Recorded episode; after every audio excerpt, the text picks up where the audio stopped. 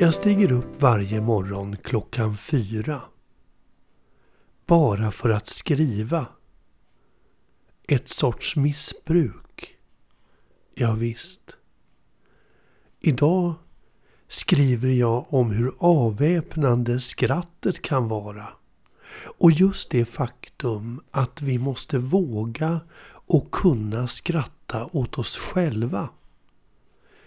Till skillnad mot missbruk som är en sorts flykt ifrån någonting så är väl självironi och självdistans det som kännetecknar den med ett par stadiga fötter i myllan.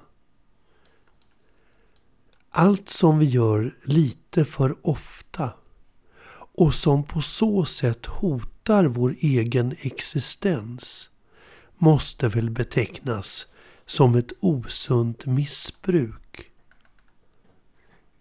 Fast i de lyckligaste formerna av ett missbruk, näst intill besatthet, kan detta ge oss en fribiljett till något.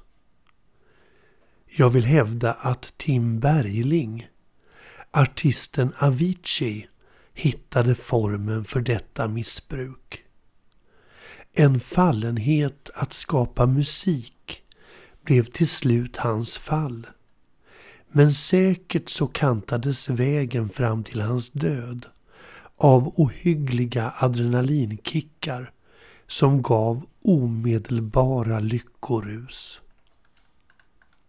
Jag skaffade mig en kitar, en synt som man hänger om halsen på ett varuhus i Düsseldorf på 80-talet. Plötsligt låg den där och till min stora glädje så var den, om jag nu minns rätt, dessutom något nedsatt i priset. Jag ville egentligen ha en röd, men nöjde mig med denna trots att den var vit. Året innan hade jag bevittnat Miles Davis konsert på Gröna Lund.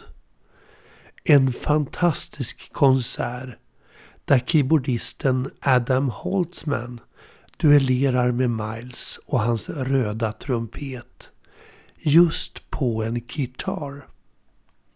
En kitar är nämligen keyboardisters möjlighet att kliva fram på scenen och ställa sig i strålkastarljuset.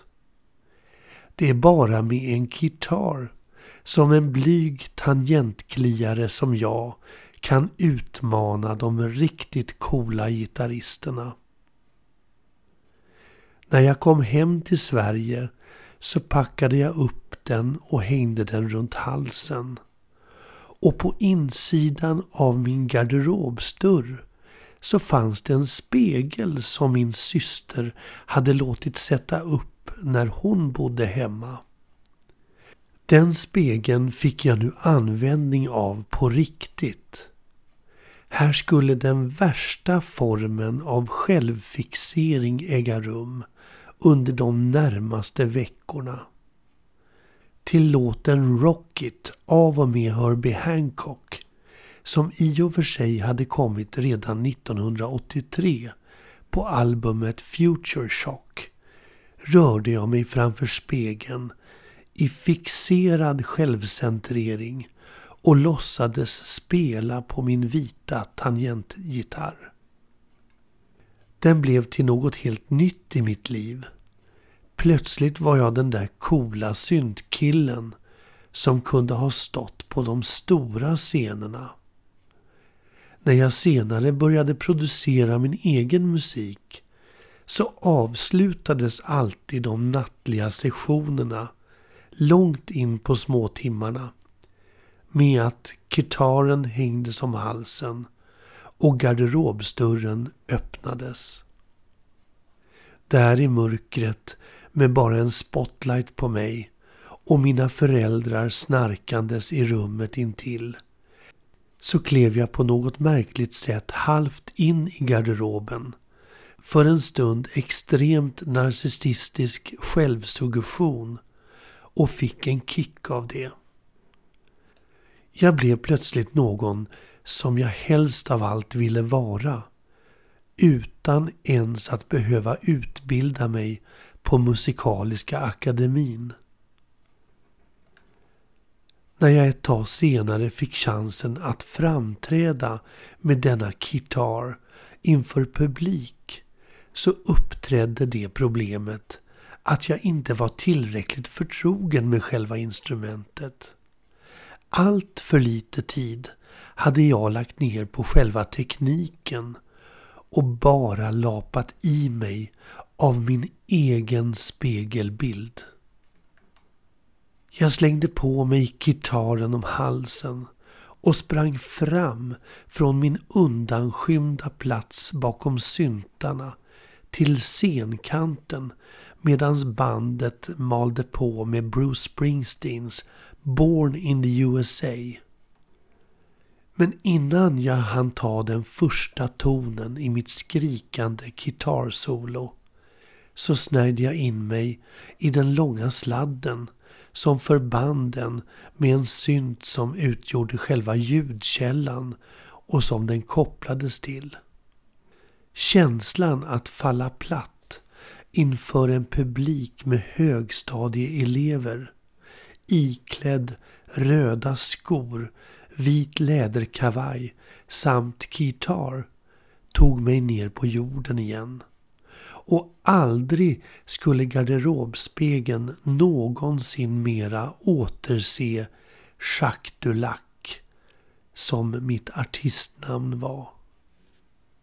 Jag la så att säga gitarren på hyllan för gott.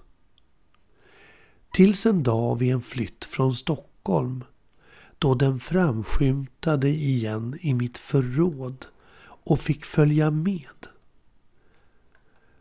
Den placerades i ett hörn i studion men hängdes aldrig mer om min hals. Mina unga pianoelever gick fram och petade på den och undrade vad det var för något.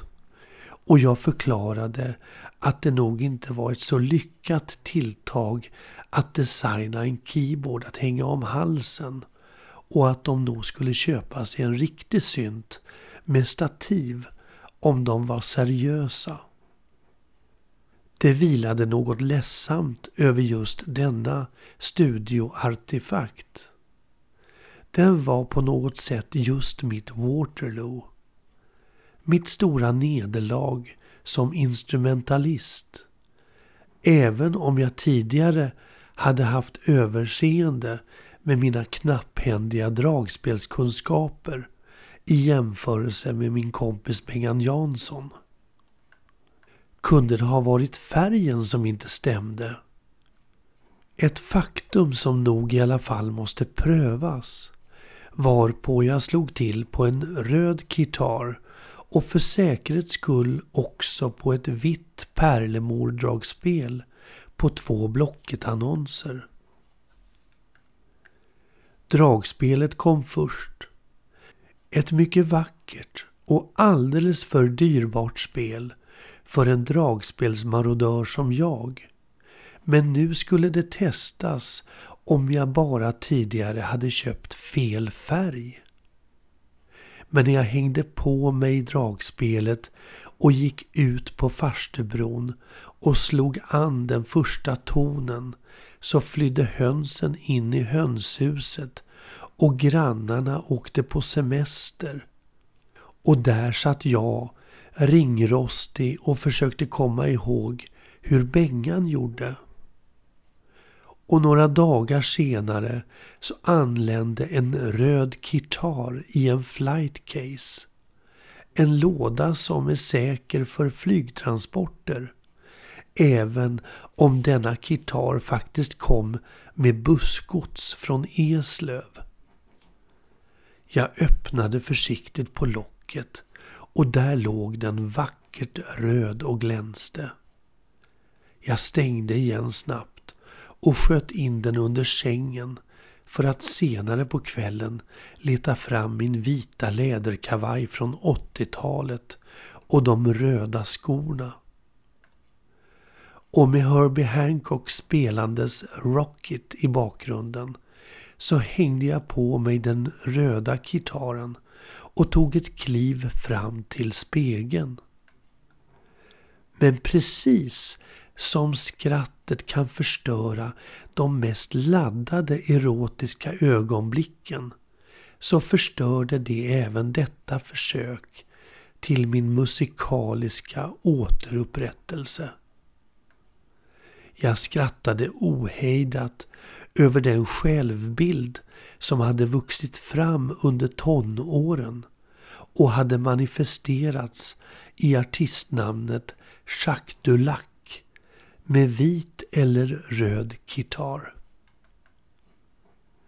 I Hjalmar Bergmans Clownen Jack har Nathan Bork skapat sitt alter ego Jack Track Back som gjort honom till en framgångssaga. Men sanningen är den att Jack är ägd av Trackback-syndikatet.